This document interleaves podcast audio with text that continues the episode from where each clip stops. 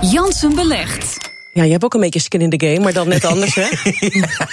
Heel dun skinnetje. ja, want jij belegt dus uh, 10.000 euro namens ja. BNR. Ik neem aan, Rob, ja, je kijkt er ook al een beetje verdrietig bij, dat je verder in het rood bent gezakt. Hè? Ja, dat is bijna niet uh, te vermijden. Hè. We hebben natuurlijk gezien dat uh, vorige week, dan kijken we even naar de AEX, meer dan 4% is gedaald. Dat gebeurt niet zo vaak dat de AEX zo flink daalt.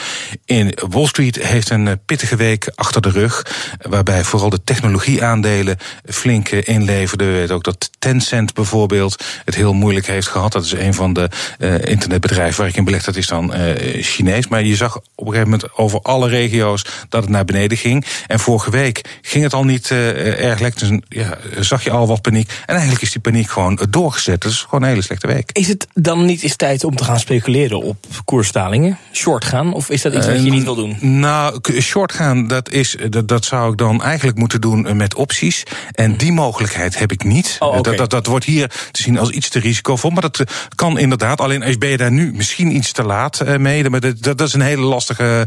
Uh, uh, hoe moet je het zeggen? Dat, dat, dat vergt wel heel veel van kennis en kunde. En, en het is ook een stuk risicovoller. Natuurlijk. Ja, het ja. is risicovoller. Dus dat is A, mij niet, niet toegestaan. Het is wel spannend. Uh, maar er is ook afgesproken. Ik kan het eigenlijk niet vaak genoeg herhalen. dat de achterliggende gedachte van Jansen belegd is.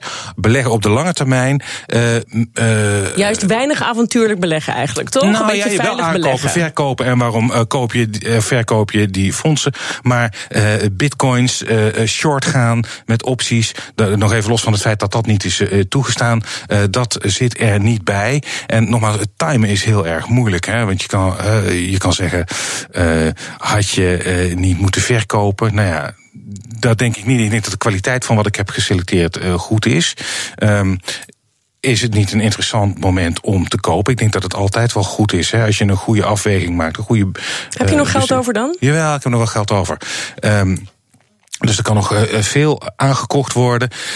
Je zit nu eigenlijk een beetje op een punt is, uh, hebben we nu alles al gehad of niet? Want je ziet nu, na een hele slechte week, enig herstel op het Damrak. Vier tienden erbij. Maar je ziet bijvoorbeeld dat Wall Street nauwelijks van zijn plaats komt.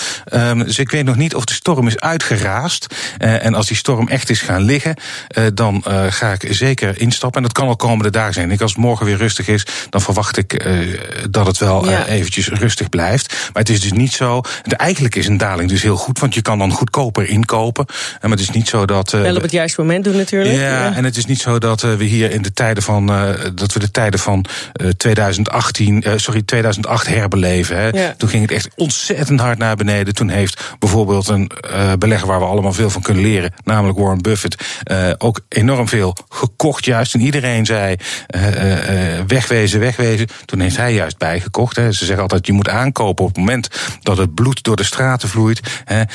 dat is alle bangrikken wegrennen, dan moet je kopen. Ja. maar goed, die daling van toen hebben we nu niet. Maar het is misschien best wel een, een, Ja. een aardig koopmoment. Ja. Het is even leuk als we gaan helikopteren boven jou, uh, hoe jij het afgelopen jaar hebt gedaan, hè, dat, uh, dat Jansen belegt. Is je, hebt dus, je had die 10.000 euro, maar je hebt het niet meteen allemaal weggezet. Hè? Nee. Je bent heel voorzichtig, ben je hier en daar eens even wat gaan kopen. Begonnen met trackers. Dat is wel interessant. Is dat ook een, ja, iets, iets, iets wat, je, wat je prettig vindt om dat op die manier te doen? Hoort Nou, het een ik beetje bij lange termijn beleggen, niet nou, meteen alles als- weggeven? Als je, uh, die trackers zijn zeker goed uh, voor lange termijn uh, beleggers. Uh, zeker als je dat met enige regelmaat gewoon blijft doen, ongeacht uh, de koers. Hè. Dus als je bijvoorbeeld een tracker in de AEX, en dan heb je, neem je zeg maar het gemiddelde van het lange termijn effect. En op de langere termijn gaat het over het algemeen best goed met aandelen. Dus die trackers zijn zeker interessant. Met die individuele aandelen ben ik begonnen, ja, juist om ook een leukere selectie uh, te kunnen maken. Ja. Maar uh, zeker uh, als je die afweging of die studie te lastig vindt, dan, kan, dan kan je zeker in trackers beleggen. Dankjewel Rob.